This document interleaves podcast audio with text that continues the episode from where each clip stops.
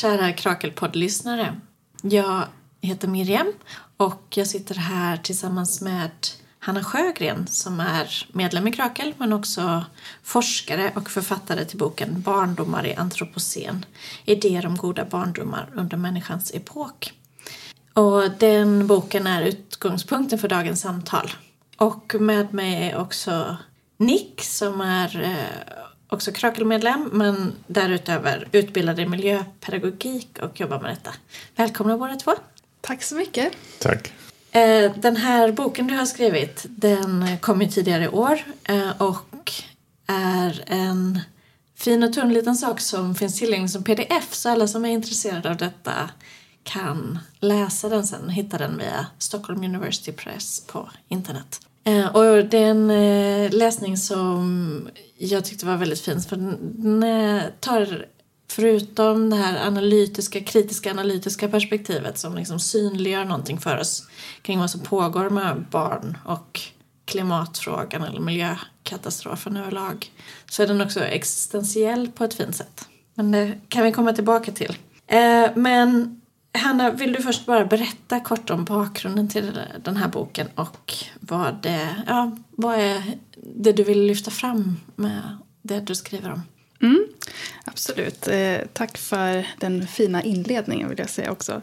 Eh, jag eh, började arbetet med den här boken strax efter att Greta Thunberg eh, drog igång sin klimatstrejk 2018 under hashtaggen Fridays for Future. Eller jag ska säga, jag började inte arbetet med boken men jag började det här projektet för att det var någonting med det eh, som var eh, fascinerande tyckte jag. För att som privatperson så gladdes jag naturligtvis väldigt mycket över att den här rörelsen drog igång med eh, den här fredagsklimatstrejken och så vidare. Men eh, som forskare då, och utifrån det jag har studerat tidigare så blev jag ändå kanske lite bekymrad och, och fascinerad över det här stora mottagandet som Greta Thunberg fick.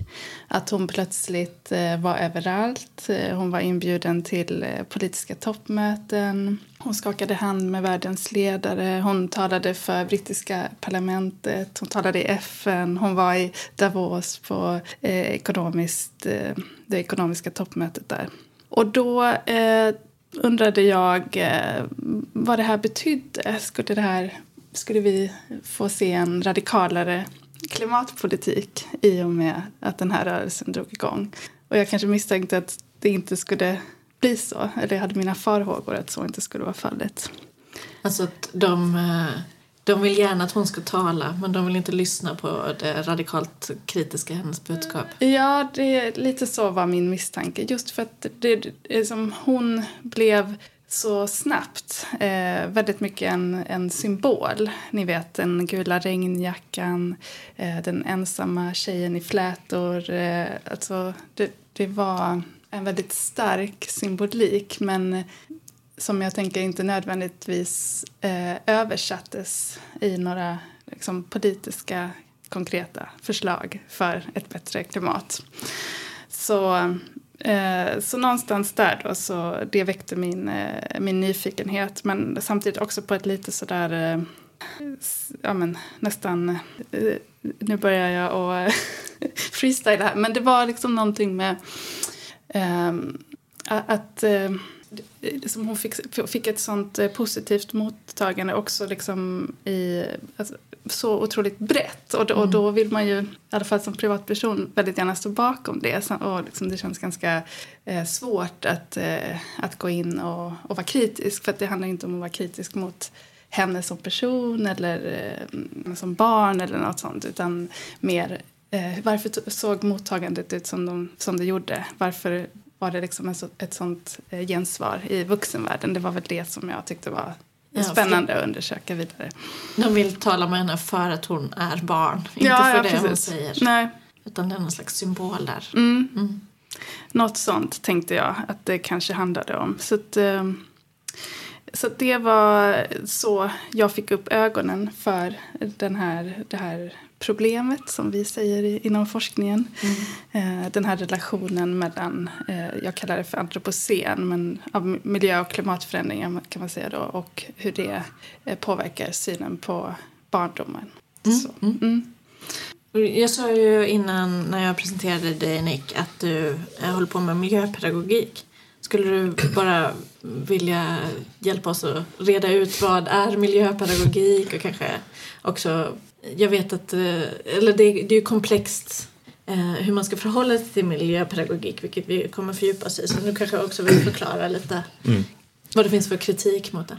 Um, ja, miljöpedagogik är ju typ idén att man genom pedagogiska insatser eller format eller metoder kan påverka människosyn eller känsla kring klimatet och kanske att engagera sig mer eller minst bry sig mer. Um, och det har ju funnits ganska länge ja, och i princip gör ju alla det privat också. Alltså så snart man läser någonting om klimatet eller om växter har man gjort miljöpedagogik. Men, uh, men det uppstod typ så 70-80-talet att det var mer formaliserat i skolan och att man och, och stiftelseorganisationer uppstod att, som tar hand om olika platser och som skulle prata om dem. Alltså det finns en, en del i skolan såklart inom biologi eller naturvetenskaplig naturundervisning, naturkunskapsundervisning. Men sen också utanför skolor massa ja, informell utbildning eller lärande i naturrum eller museum eller allt sånt som är miljöpedagogik. Um, och sen i, när det var det 90, 90-tal så hade han den stora konferensen i Rio som bestämde att eh, miljöpedagogik ska utvecklas till lärande för hållbar utveckling som är typ idén att miljön själva, eller den fysiska miljön, är inte längre bara i centrum men det blir också handla om social och ekonomisk hållbarhet. Um, och det är en utveckling som minst när jag ledde mig har stött mot väldigt stor motstånd i många sådana organisationer för det är att man tappar miljöfokusen och som också fått jättemycket kritik i akademin för att det var så en uttunning av miljöpedagogikens grundtankar. Ehm, och så finns det, har det uppfunnits såklart massa mindre strömningar i det här, särskilt när det kommer från akademiska håll. Ja, men ja, jag, så jag har jobbat inom det, jag har pluggat inom det och jag och, och, och har jobbat också med kritiska idéer kring miljöpedagogik för det handlar oftast om att man försöker um, att, ja, att människor skapa någon emotionell relation till miljön och genom det, den relationen ska göra att man beter sig bättre eller förändra sitt beteendemönster. Eller ett annat mål är ju kanske att man ska handla mer hållbart, alltså den här typen av konsumentförändring. Och det är typ den klassiska. Och sen finns mycket som handlar, finns lite mer som strömning som handlar om att men det räcker kanske inte och det är problematiskt att tänka så att alltså vi, vi tre, eller vi alla vet ju att det är inte det man ska kanske göra. Eller det är inte så att vi når de klimatmålen. Det räcker kanske inte att vi bara handlar ekologiskt. Ja, jag tänker att eh, det är intressant. Vi kommer, det kommer följa hela det här mm. samtalet mm. för att jag tänker att barn är ganska utsatta för miljöpedagogik i skolan idag. Mm. Jag tänker när jag själv var, gick i lågstadiet i början av 90-talet då skulle man då fanns det inte alls mycket av det utan då var det andra saker. Det var internationell solidaritet, man skulle samla in leksaker till barnhemsbarn i Rumänien eller någonting sånt. Men jag märker att min egen sjuåring kommer hem och har mött mycket miljöpedagogik. Alltså att det är en stark, eh, ett starkt inslag i tror jag både förskola och skola idag. Men som vi ska prata om så finns det tydliga problem i vad det är, alltså vad det finns utrymme för i skolan att få med sig i termer av det. Ja. Mm. ja, men det hänger ju definitivt ihop med synen på barndom eh, eftersom barn spenderar, många barn i alla fall, spenderar en stor del av sin barndom i institutioner där de till exempel möter miljöpedagogik. Så det hänger absolut ihop. Ja, precis. Ja. Och eh, de här idéerna om barn, alltså det är det som gör att man försöker använda skolan tänker jag, som ett instrument för att eh, hantera klimatfrågan. Mm. Eh, men eh, jag vill bara stanna upp eh, kort vid eh, ett begrepp här bara så eh, jag är nyfiken hur du tänker Hanna med begreppet antropocen, alltså människans epok. För det finns ju en diskussion om på vilket sätt är det här människan orsakat av människan, det tillstånd vi befinner oss i på hur är det orsakat av kapitalet kanske eller så. Alltså att mm. Det finns de som argumenterar för att istället använda begrepp som kapital och så. Vill du bara orientera i hur, mm. du, absolut. hur du har tänkt? Eh, jo, ja absolut.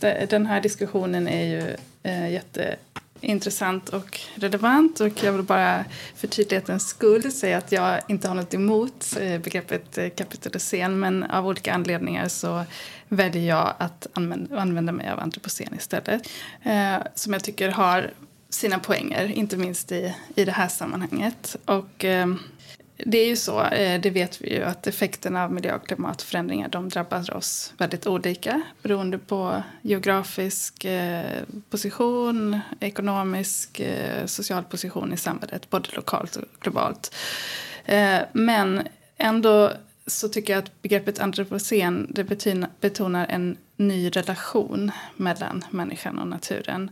Och den drabbar oss både som enskilda individer på olika sätt men också som art, som helhet på något sätt. Och kapitalisering det pekar ju ut ansvar och eh, orsak och sådär. Men eh, just eh, för mig, mitt val att använda mig av antropocen det är liksom mer en bara ett ontologiskt konstaterande om hur verkligheten är beskaffad. Att det beskriver bara ett tillstånd som jorden befinner sig i. Och sen så finns det ytterligare en sak som för mig handlar om att jag vill att den här boken ska läsas av eh, en bred skara människor. Och jag tror att om jag skulle skrivit kapitalisering så skulle jag helt enkelt inte intresserat lika många läsare. Så det finns också eh, liksom en önskan om att vara bred där. Ja, jag fattar. Mm. Det är också ett pedagogiskt val kan man säga. Mm, kan ja. man säga. Eh, jo, för att eh, det kan man ju bara säga direkt så att ingen blir besviken när de öppnar den boken. Det är liksom inte en handbok i hur man ska hantera barn i, eh, i den här tidsåldern utan det är en kritisk läsning av hur vi eh, talar om och till barn i förhållande till klimat och miljö kan man mm. väl säga. Mm, det stämmer.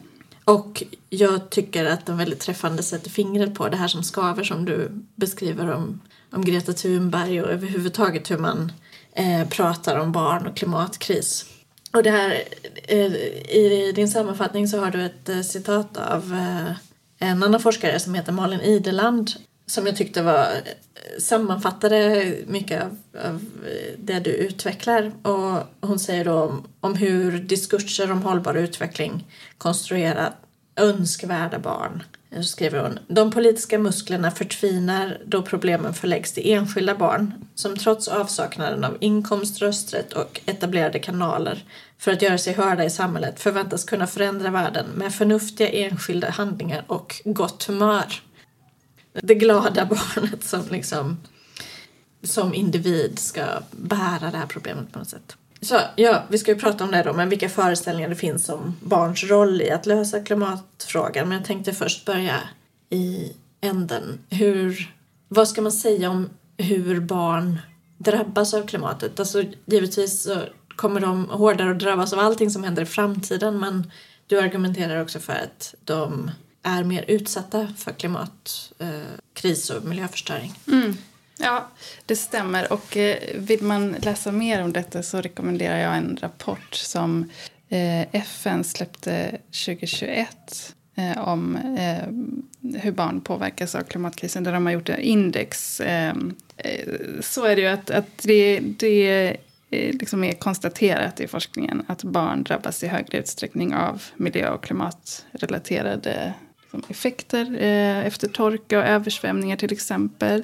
Och det kan handla om allt från eh, spridningar av sjukdomar till att eh, skolor tvingas stängas, eh, barn tvingas på flykt och så vidare. Och i det här tillståndet så är barn mer sårbara än vuxna och de drabbas eh, hårdare av effekterna.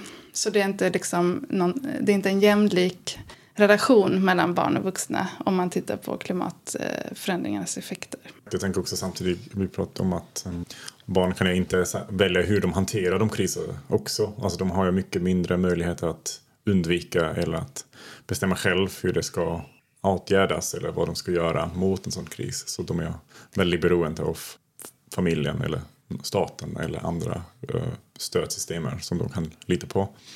Så de har ju absolut ingen makt över problematiken samtidigt, eller konsekvenser av problematiken samtidigt.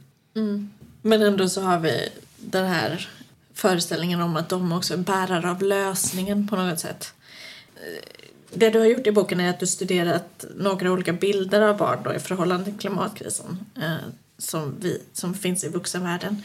Ehm, Det tyckte jag var väldigt fascinerande. Skulle du vilja beskriva de här så kallade idealbarnen? Vilka är det liksom som Mm. Just det, jag, jag, förekommer precis. diskursen? Eh, Jag tänker att jag ska säga någonting om eh, vad boken handlar om förutom eh, Gre- Greta Thunbergs tal som jag analyserar i ett kapitel. Eh, och i ett annat så analyserar jag eh, forskning, eh, eh, pedagogisk utbildningsvetenskaplig forskning som handlar om yngre barn och hur den föreställer sig, alltså hur forskningen föreställer sig barn.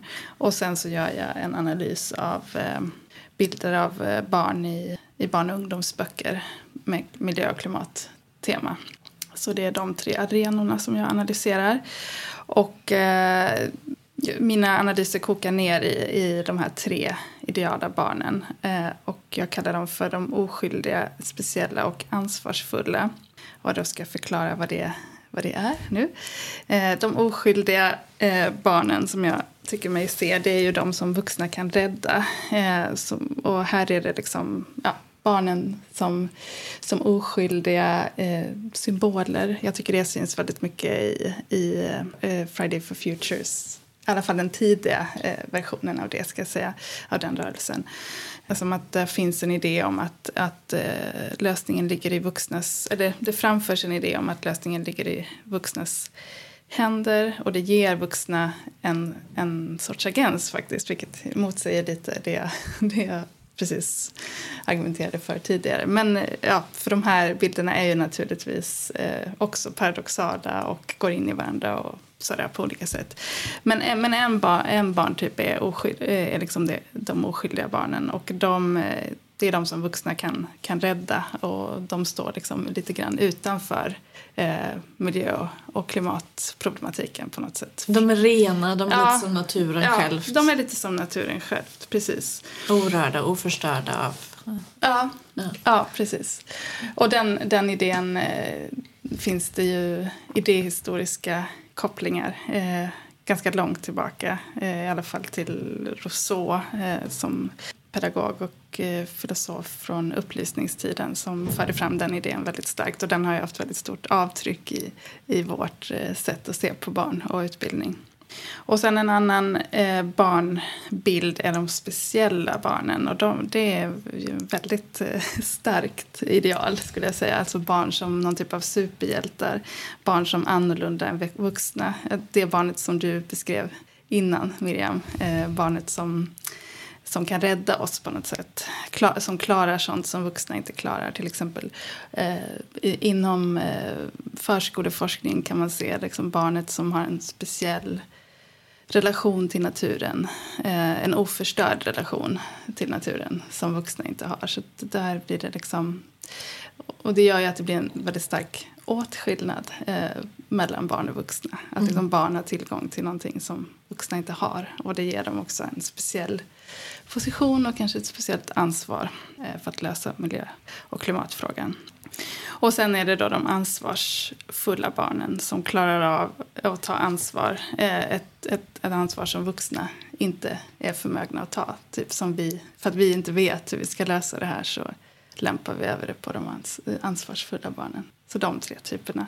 De oskyldiga, de speciella och de ansvarsfulla idealbarnen. Ja, men eh, jag tänker på min egen sjuåring som, som kommer hem då och har fått den här undervisningen i skolan och som eh, då sen ska läxa upp mig på något sätt. Alltså att det är en, Ja, just det. Mm. eh, han ska tala om för mig hur jag ska sopsortera eller vilka olika val jag ska göra. Att, eh, att det är nästan som att den här pedagogiken i skolan lägger ett sånt ansvar på dem också på något sätt. Eller så. Ja, men det, det tänker jag är en ganska eh, så att säga, känd problematik inom hå- eh, utbildning för hållbar utveckling till exempel. Att man har den idén. Eh, och, och jag menar, den idén finns ju, har funnits i skolan länge. Att barnen blir bärare av, liksom, blir uppfostrade på något sätt av sina föräldrar. Ja, alltså en stor målgrupp i är ju alltid barn och har alltid varit barn. Men jag tänker just nu är det, har det blivit väldigt problematiskt för om vi kollar 2030 ska vi ha nått de klimatmålen. Det är sju år. De barn som är nu i skolan och får den här miljöprövningen, de kommer inte ha rösträtt till det. De kommer inte kunna politiskt påverka hur vi hanterar det här. Så det är på något sätt en helt fel målgrupp just nu. Um, inte att man ska släppa det, men man fokuserar på något annat. Så det är ju redan en, en först väldigt problematisk föreställning att de barn som nu är i skolan kommer kunna rädda oss. För det är vuxna just nu som måste göra det här, som har möjlighet att göra det här. Inte de barn i skolan som får en kurs i avfallssortering eller så.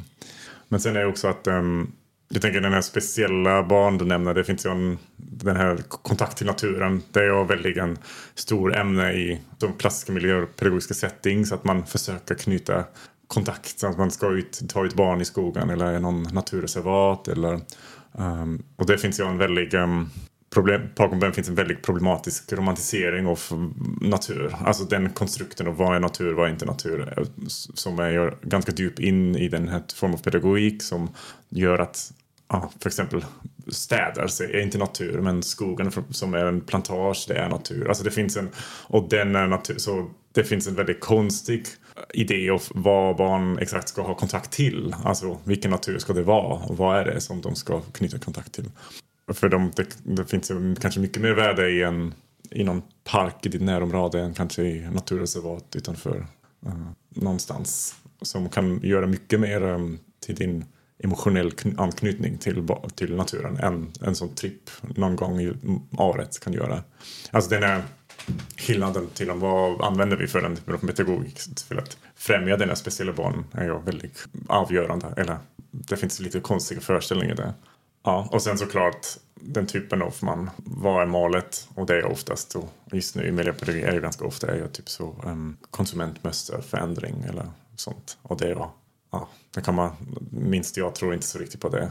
Och, um, men samtidigt är det, är du fast i vissa ramar du måste prata om. Eller, så du kan inte säga vad som helst till skolbarn i miljöpedagogiska kurser, äh, eller uh, äh, tema eller så. Alltså, du måste ändå typ förhålla dig till vissa demokratiska, verk, demokratiska verktyg och så.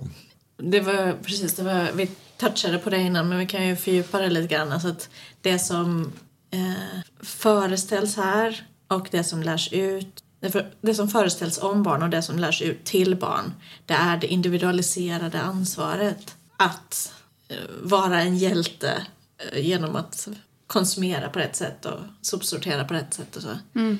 Och jag tänker det finns någonting i det också att um, skolan kanske inte... Alltså det finns en paradox i att skolan vill ge barn verktyg att hantera klimatkrisen. Men samtidigt kan ju skolan inte som på något vis det offentligas verktyg gentemot barn lära dem en radikal systemkritik. Alltså det är någon slags eh, konflikt där. Mm. Mm. Ja, och på det sättet så är ju just skolstrejken eh, det fenomenet intressant. Därför att det är ju någon sorts... Eh, alltså den, den eh, delen, liksom, om man tittar på formen, är ju väldigt spännande. För att det är ju liksom att eh, lämna den institutionen som ju är ett obligatorium i Sverige. För att man inte tycker att, att vare sig den eller samhället i övrigt kan adressera klimatfrågorna på ett vettigt sätt. Så det blir ju en form av systemkritik, mm. att, att lämna skolan. Det är kul. Men samtidigt är ju exakt det är ju det som inte tas upp i sådana miljöpedagogiska format. Alltså mm. Alltså det, det är inte vad man pratar om. Alltså jag känner ganska få organisationer som har tagit upp skolstrejk eller tanken att skolan att det här ska vara ett verktyg som man ska förmedla barn i sina kurser eller sina Eh, timmar, att det ska vara någonting. Det är mer tvärtom. Alltså, jag kommer ihåg att det var några när det började med skolstrejk och jag jobbade för en ja, för som, för som miljöpedagogisk institution då, då var det så att en, på sociala medier gick en annan institution ut och, var så, och kritiserade skolstrejker och att de istället skulle komma till dem och titta på elbilar och så att lära sig hur man kan verkligen göra någon skillnad och agera, agera hållbart. Så det var exakt tvärt emot, att de, var, de dömde, många institutioner dömde det för de tyckte att eh, man ska ja, Mm. Man ska gå i skolan. Man ska gå i skolan, ja. precis. Så, mm. Och det är jättespännande. Ja, um, ja, men det går ju också in i det här att man förväntar, alltså det ansvarsfulla barnet. Eh, det är en slags passiv handling ju att strejka kan man säga. Att säga, mm. bara sätta sig ner och säga, säga nej. Och lägger man då ansvaret på barnet så eller förväntar man sig att det är barnet som ska ta ansvar så ska ju barnet då istället vara aktiv, gå i skolan, lära sig hur man ska rädda världen. Mm. Istället Mm. för att eh, de som eh, faktiskt har makten Mm. agerar på det här viset. Ja. Mm. Absolut. Är det något intressant i det? He- Alla de bilderna handlar ju om att vuxna på något vis projicerar saker på barn i förhållande till klimatkris och miljöproblem. Eh, kanske också för att det finns en sån maktlöshet i samtiden. Alltså, vi har, I tidigare Krökel-poddavsnitt så har vi pratat en hel del om begreppet kapitalistisk realism som är någon slags ideologi för senkapitalismen där vi å ena sidan vet att kapitalismen är ett ohållbart eh, och problematiskt system å andra sidan också lever med upplevelsen att det absolut inte går att göra någonting åt det, att det inte skulle kunna vara på något annat sätt. Så vi kan på något vis inte vi kan inte ha utopier, känna hopp eller, och nu, alltså nu menar jag vi som samhälle, inte vi som vänster kanske för att det kan vi komma till senare men där, där kan man ju tänka på ett annat sätt. Men vi som samhälle, vi som vuxna har inte förmågan att ta ansvar eller känna hopp eller eh, ha en utopi. Och då projicerar vi det på barnen på något sätt att de måste ha det här, vara bärare av det här hoppet. Ja, det var, det var en snygg eh, koppling. Jag tycker, alltså, jag tycker den boken av Mark Fisher, eh, Kapitalistisk realism, den är ju väldigt träffande. Men jag har faktiskt inte riktigt kopplat ihop det med, med detta. Men man kan ju verkligen se det som, som ett, någon sorts svar. Ur den desperationen så föds de här eh, liksom, projiceringarna på att eh, som ju känns väldigt så här, desperata och hopplösa på många sätt. Att, att barn ska rädda oss ur detta. Det, Ja. det är liksom absurt. men, det, men det är också rimligt på något sätt när man inte har någonting annat att, När det känns som att man inte har någonting annat att ta till kanske. Vi, vi har ju så kort tid också som du sa innan Nick att barnen, det, det finns inte ens en chans, konkret chans att hinna det på något sätt. Sen finns ju den andra sidan av det också som vi var inne på lite innan att barn ju inte heller har, eller ges agens.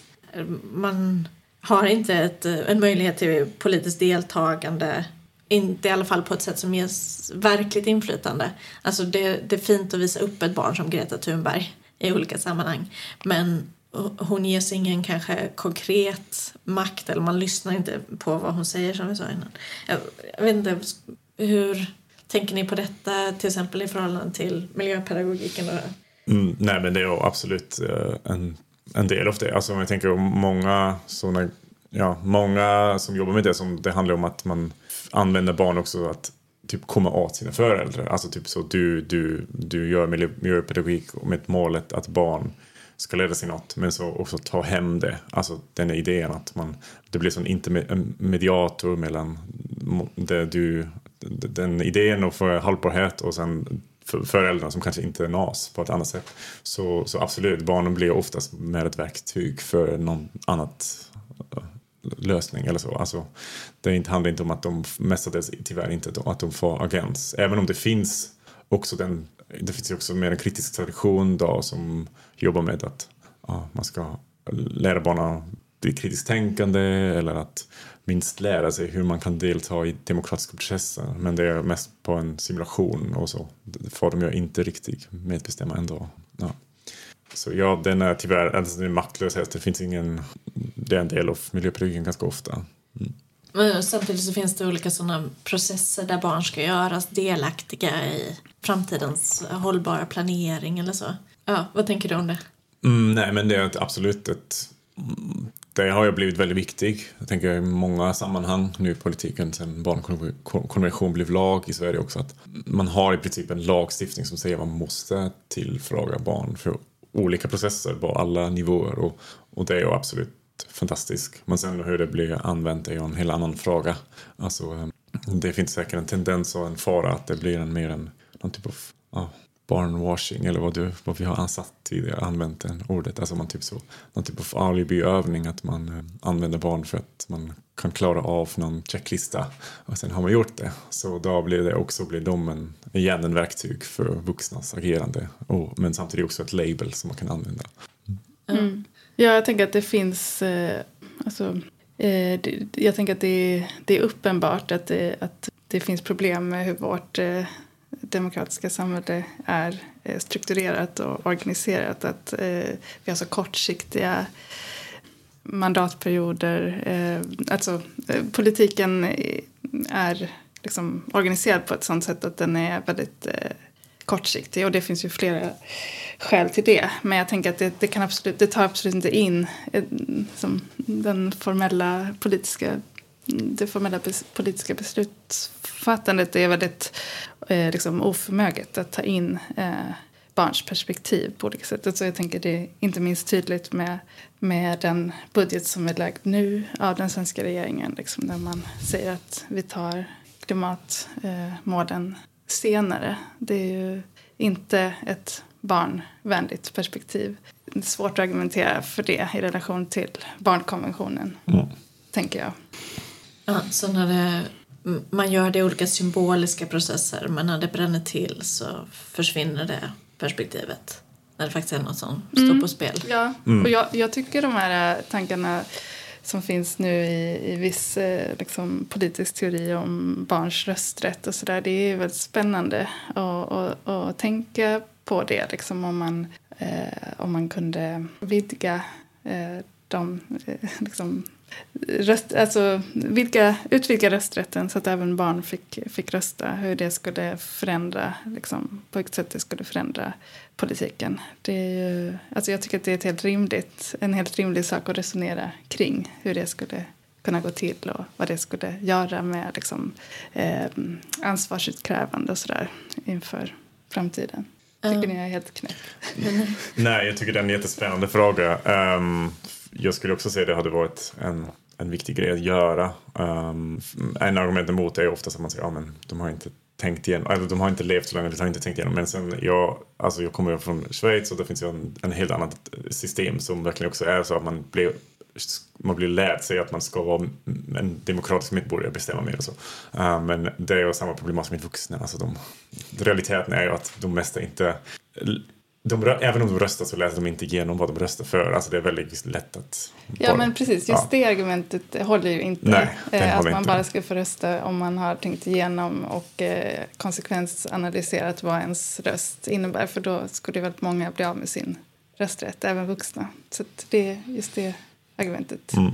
Jag, jag tänker att en invändning också är att uh, den parlamentariska demokratin har en begränsad uh, möjlighet att, nu säger jag detta då från en mm. liksom, cynisk antikapitalistisk ja. ståndpunkt, ja, ja. Eh, en begränsad möjlighet att påverka problemet.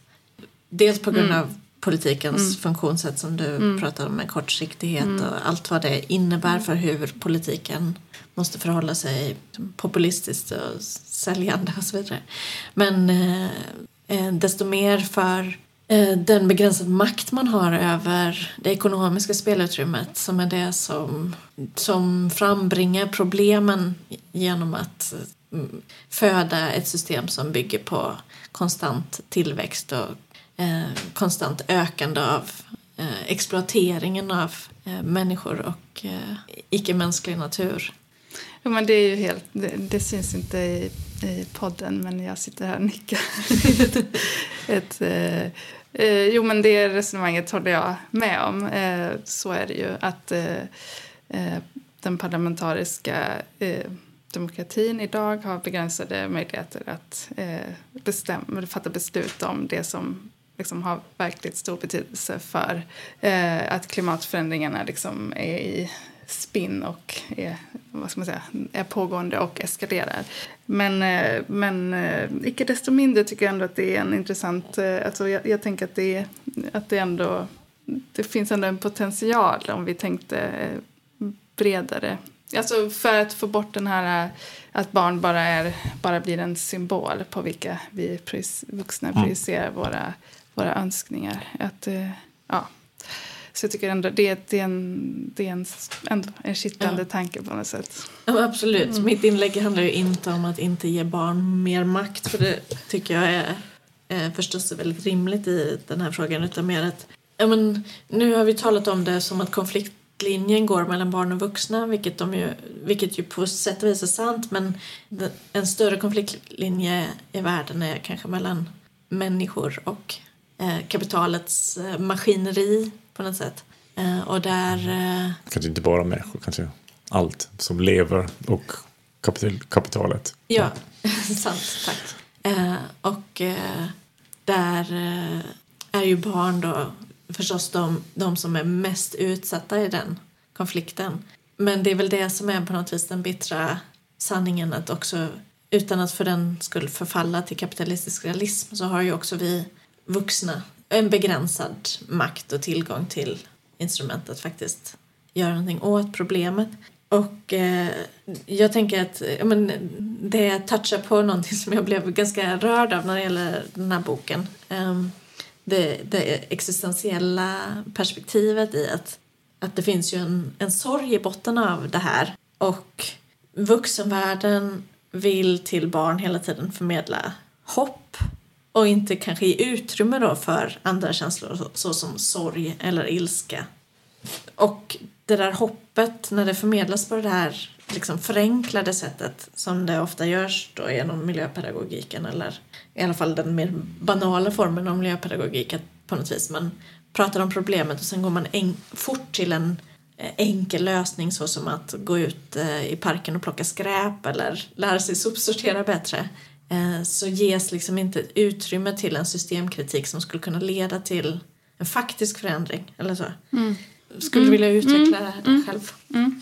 Ja men precis, jag tror Nick kanske, att du känner igen det här med att... Alltså, du beskrev ju också det Miriam, att din, ditt barn kommer hem och eh, kanske pratar om hur man ska sopsortera eller eh, ja, den typen av frågor. Och, eh, men i alla fall, när jag, när jag skrev den här boken så var jag eh, väldigt inspirerad av många, men bland annat den brittiska feministen Sara Ahmed som har analyserat hur lycka blir till ett eh, problematiskt eh, imperativ i vår samtid. Liksom, att hos den som är lycklig och nöjd och glad och så vidare så finns det liksom inga incitament till förändring. Eh, och också, tycker jag, så psykologisk eh, forskning kring eh, vikten av att alla, alla känslor, att man ska få känna alla känslor eh, på något sätt eh, och utgå utifrån det eh, för att kunna förändras och, och handla och sådär. Eh, att det är väldigt viktigt. Och då just det här när det blir då att eh, vi får inte och, och jag, vill, jag, vill, absolut inte säga att, att man ska gå ut i klasserna och säga till alla barn att det är hopplöst och kört. Det är inte det jag menar. Utan, men jag tänker att eh, barn, många barn, precis som många vuxna, är väldigt kloka och eh, kan uttrycka eh, oro, eh, sorg, ilska och så vidare. Och att då är det eh, väldigt viktiga känslor som måste få plats och, och, rum liksom, i vårt samhälle och i skolan och så vidare. Um, och att det liksom inte behöver bli då att så här, men oroa dig inte för det, det är inte, du behöver inte tänka på det eller liksom, och gör någonting hoppfullt. Uh, köp någonting ekologiskt eller torktumla inte eller uh, ta cykeln istället för bilen eller något sånt. Liksom att det blir så, eh, ett sånt futtigt svar på, på eh, den där de där känslorna. Och det kommer ju säkert utifrån att jag själv eh, som har jobbat med de här eh, frågorna i min forskning i, i många år liksom, såklart har tänkt väldigt mycket på hur, hur man ska hantera de där känslorna, vilken plats de ska få. Men eh, jag skulle ändå säga då att eh, mitt budskap är att man inte ska lägga locket på klimatångesten utan man ska, den ska få plats. Eh, man kan tänka kring den och jag tror att man kan agera eh, efter att den liksom har fått den plats som den på något sätt ändå förtjänar i vårt samhälle. Att man tar den på allvar och inte viftar bort den eller, eller så. För jag tänker att det är det som vår regering måste, jag tänker att det är människor som måste ägna sig åt en otrolig liksom, bortträngning av sakernas tillstånd för att kunna lägga fram den typen av budget som de har gjort nu till exempel. Eh, att de skulle definitivt behöva ha mer utrymme för ångest, mm. tänker jag. ja. Mm. Eh, eh, alltså jag, kan inte låta bli att tänka på vilket eh, fruktansvärt, alltså med smärta tänker jag på vilket fruktansvärt lurendrejeri det på något vis är som pågår gentemot barn. Inte minst genom den här miljöpedagogiken i skolan då, att man å ena sidan gör dem varse om åtminstone en del av läget som det är. Å andra sidan ger dem instrument som är så futtiga som att plocka upp skräp eller sopsortera. Mm, eh, inte ger dem... För det är ju också att lura in dem i en föreställning om att de är skyldiga om de inte gör de här mm. små symboliska handlingarna mm. istället för att liksom ge dem det som svaren på var problemet egentligen ligger och den systemkritik som mm. kommer med det. Alltså jag, jag, tänker det ligger, ja det är absolut någon typ av, um, det, det saknas någon typ av ärlighet. Jag tänker många personer som gör sådana miljöpedagogiska, miljöpedagogiska insatser, de, de gör det med en jättebra intention. Alltså det, Självklart. Och jag skulle ju aldrig... Kanske själva lurade. Ja, nej precis. Men jag skulle ju aldrig typ säger man ska inte skapa naturkontakt till sina barn. Alltså det är inte vad jag menar när jag säger det här är problematiskt. Men det, det handlar mest om att jag... Mm, eh, ja, jag, jag tänker man måste vara lite mer ärlig varför man gör det. Alltså att man inte säljer det som en som ett, som ett lösning till problemet. Men att man, om man går också om man kommer bort från den typen av skuldkänslor, man försöker förmedla barn och också många vuxna då. Så, um, men kommer mer till en, att det blir någon typ av omsorg, alltså en omsorgspedagogik, att man säger så, ja men det handlar mindre om att du får skulder men att vi måste ta hand om varandra, måste ta hand om allt levande och, och sen en, också att det, kommer, att det blir någon typ av kollektiv process. Jag tänker det är jätteviktigt när jag gör grejer eller när jag har ibland någon insats eller så. Så tycker jag ändå att det, även om alla de problematik vi har upp, pratat nu ikväll, att det ändå försöker man försöker såklart förmedla, förmedla att man en kraft, alltså så, kanske inte politisk men att man har något typ och upplever en viss kollektivitet, att man som individium kanske inte har så mycket makt men att man som grupp eller kollektiv, som skolstrejkerna för exempel, att man har plötsligen en helt annan position och kan kanske, på, kan kanske påverka vissa sätt. Så det är det som jag skulle säga är effektiv miljöpedagogik för mig, eller det jag ser man ska gå till. Att man, um, där det finns en potential ja, för mer radikal miljöpedagogik? Jag tänker absolut. Ehm, den ligger kanske inte i klassiska mm, organisationer. Men jag tänker för exempel i Sverige är det så att eh, fältbiologerna som har ju varit en ungdomsorganisation, en miljöpedagogisk ungdomsorganisation från nat eh, Naturskyddsföreningen har blivit mycket mer radikal och plötsligt blivit en av de mest radikala eh, miljögrupperingar som finns och så. Så det finns ju absolut en möjlighet att utveckla sig som, som organisation och sen den, och som det finns mycket kritisk miljöpedagogik men de hittar man oftast bara inte där man tänker. Det kanske mer kommer från konsten eller det kommer från um, ja, politiska grupperingar eller så. Alltså jag tänker till exempel i Tyskland finns en, en ganska stor an, antal grupp som jobbar med så pedagogiska koncept som pratar kanske istället för att mm, konsumtion pratar de om nerväxt uh, eller pratar de om, det kallas för imperial, imperialistisk uh, livs vis. Jag vet inte hur man översätter på tyska. Men alltså, de använder andra begrepp och andra koncept och då handlar de plötsligt kanske mer om politisk bildning än om miljöpedagogik men i princip går det i varandra. Mm. Um, så jag tänker det finns absolut en, en, en, en, utvecklingspotential. Det är mest frågan vem gör det, var gör vi det och är barn målgrupp för det? Mm.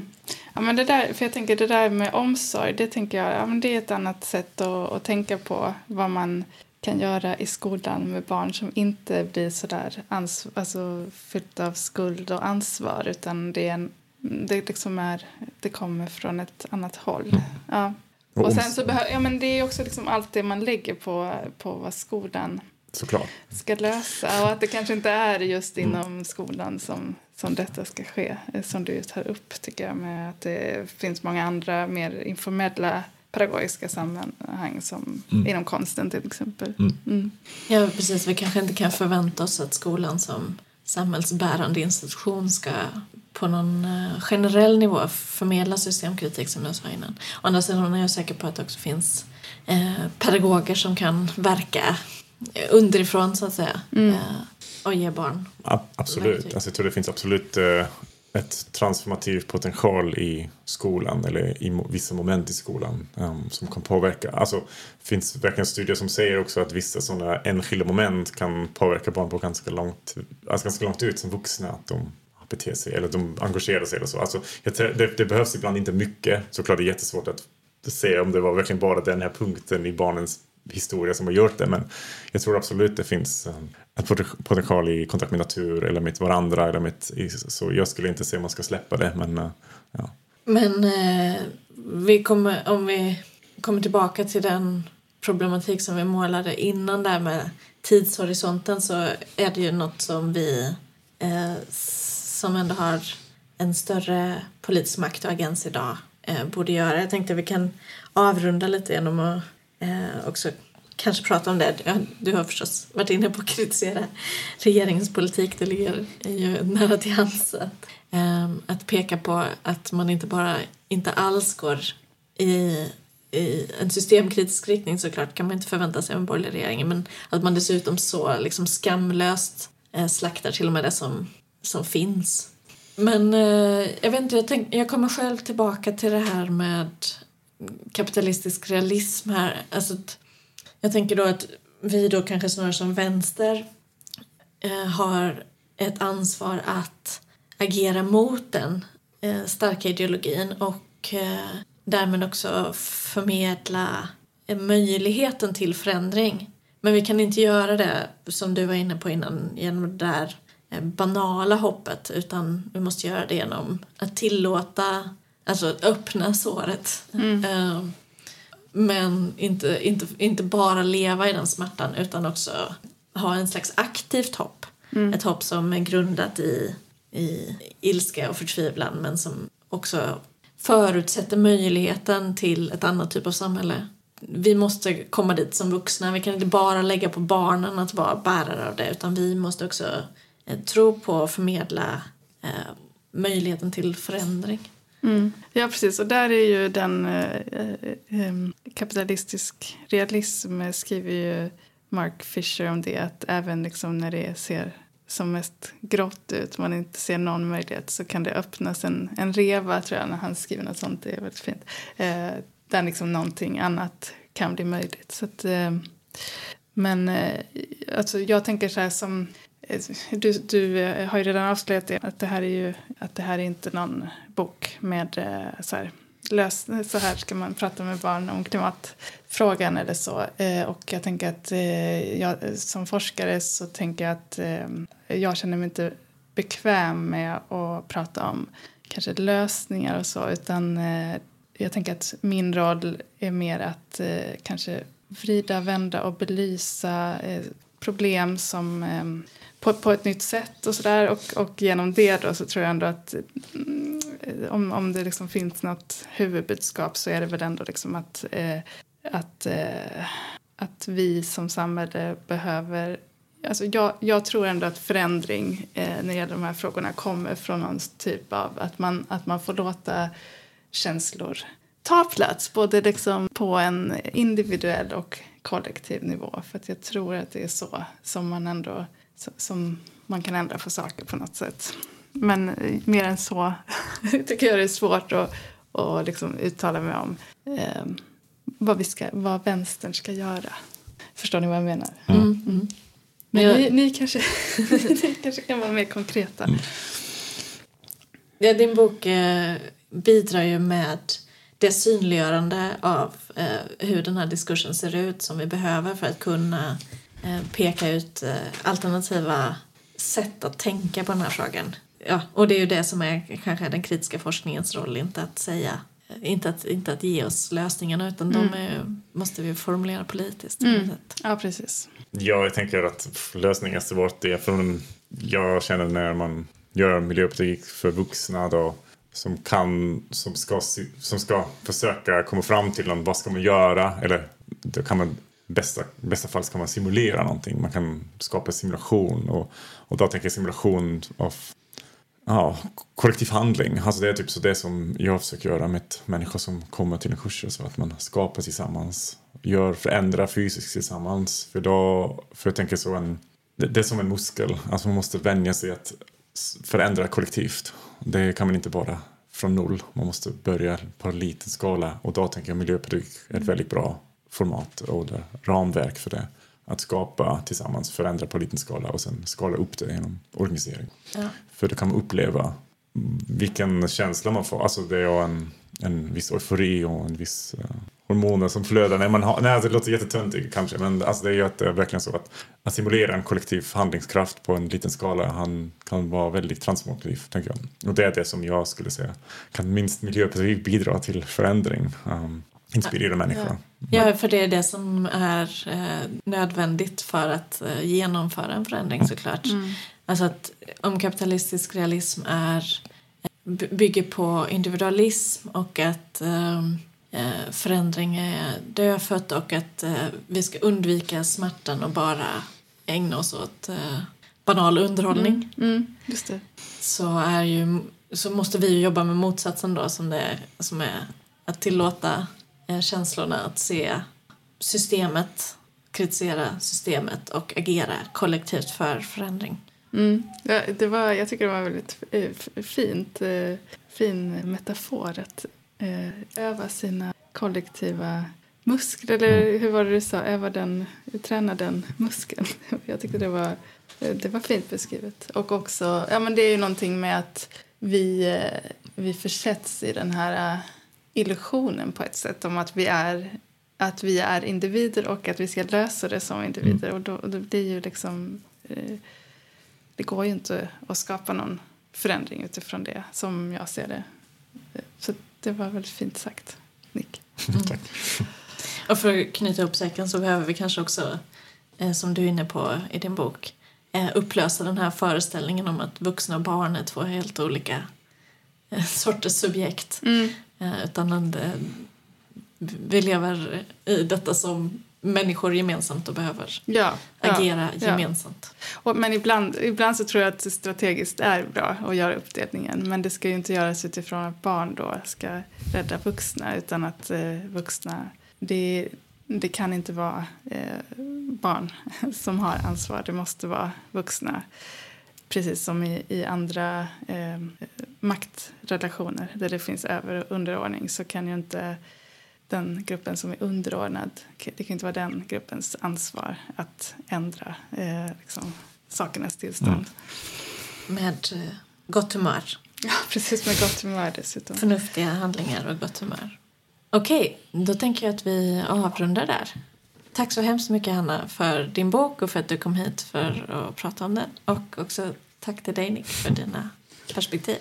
Tack så mycket. Tack så mycket. Vi hörs. Vi hörs. Hej då. Hej då.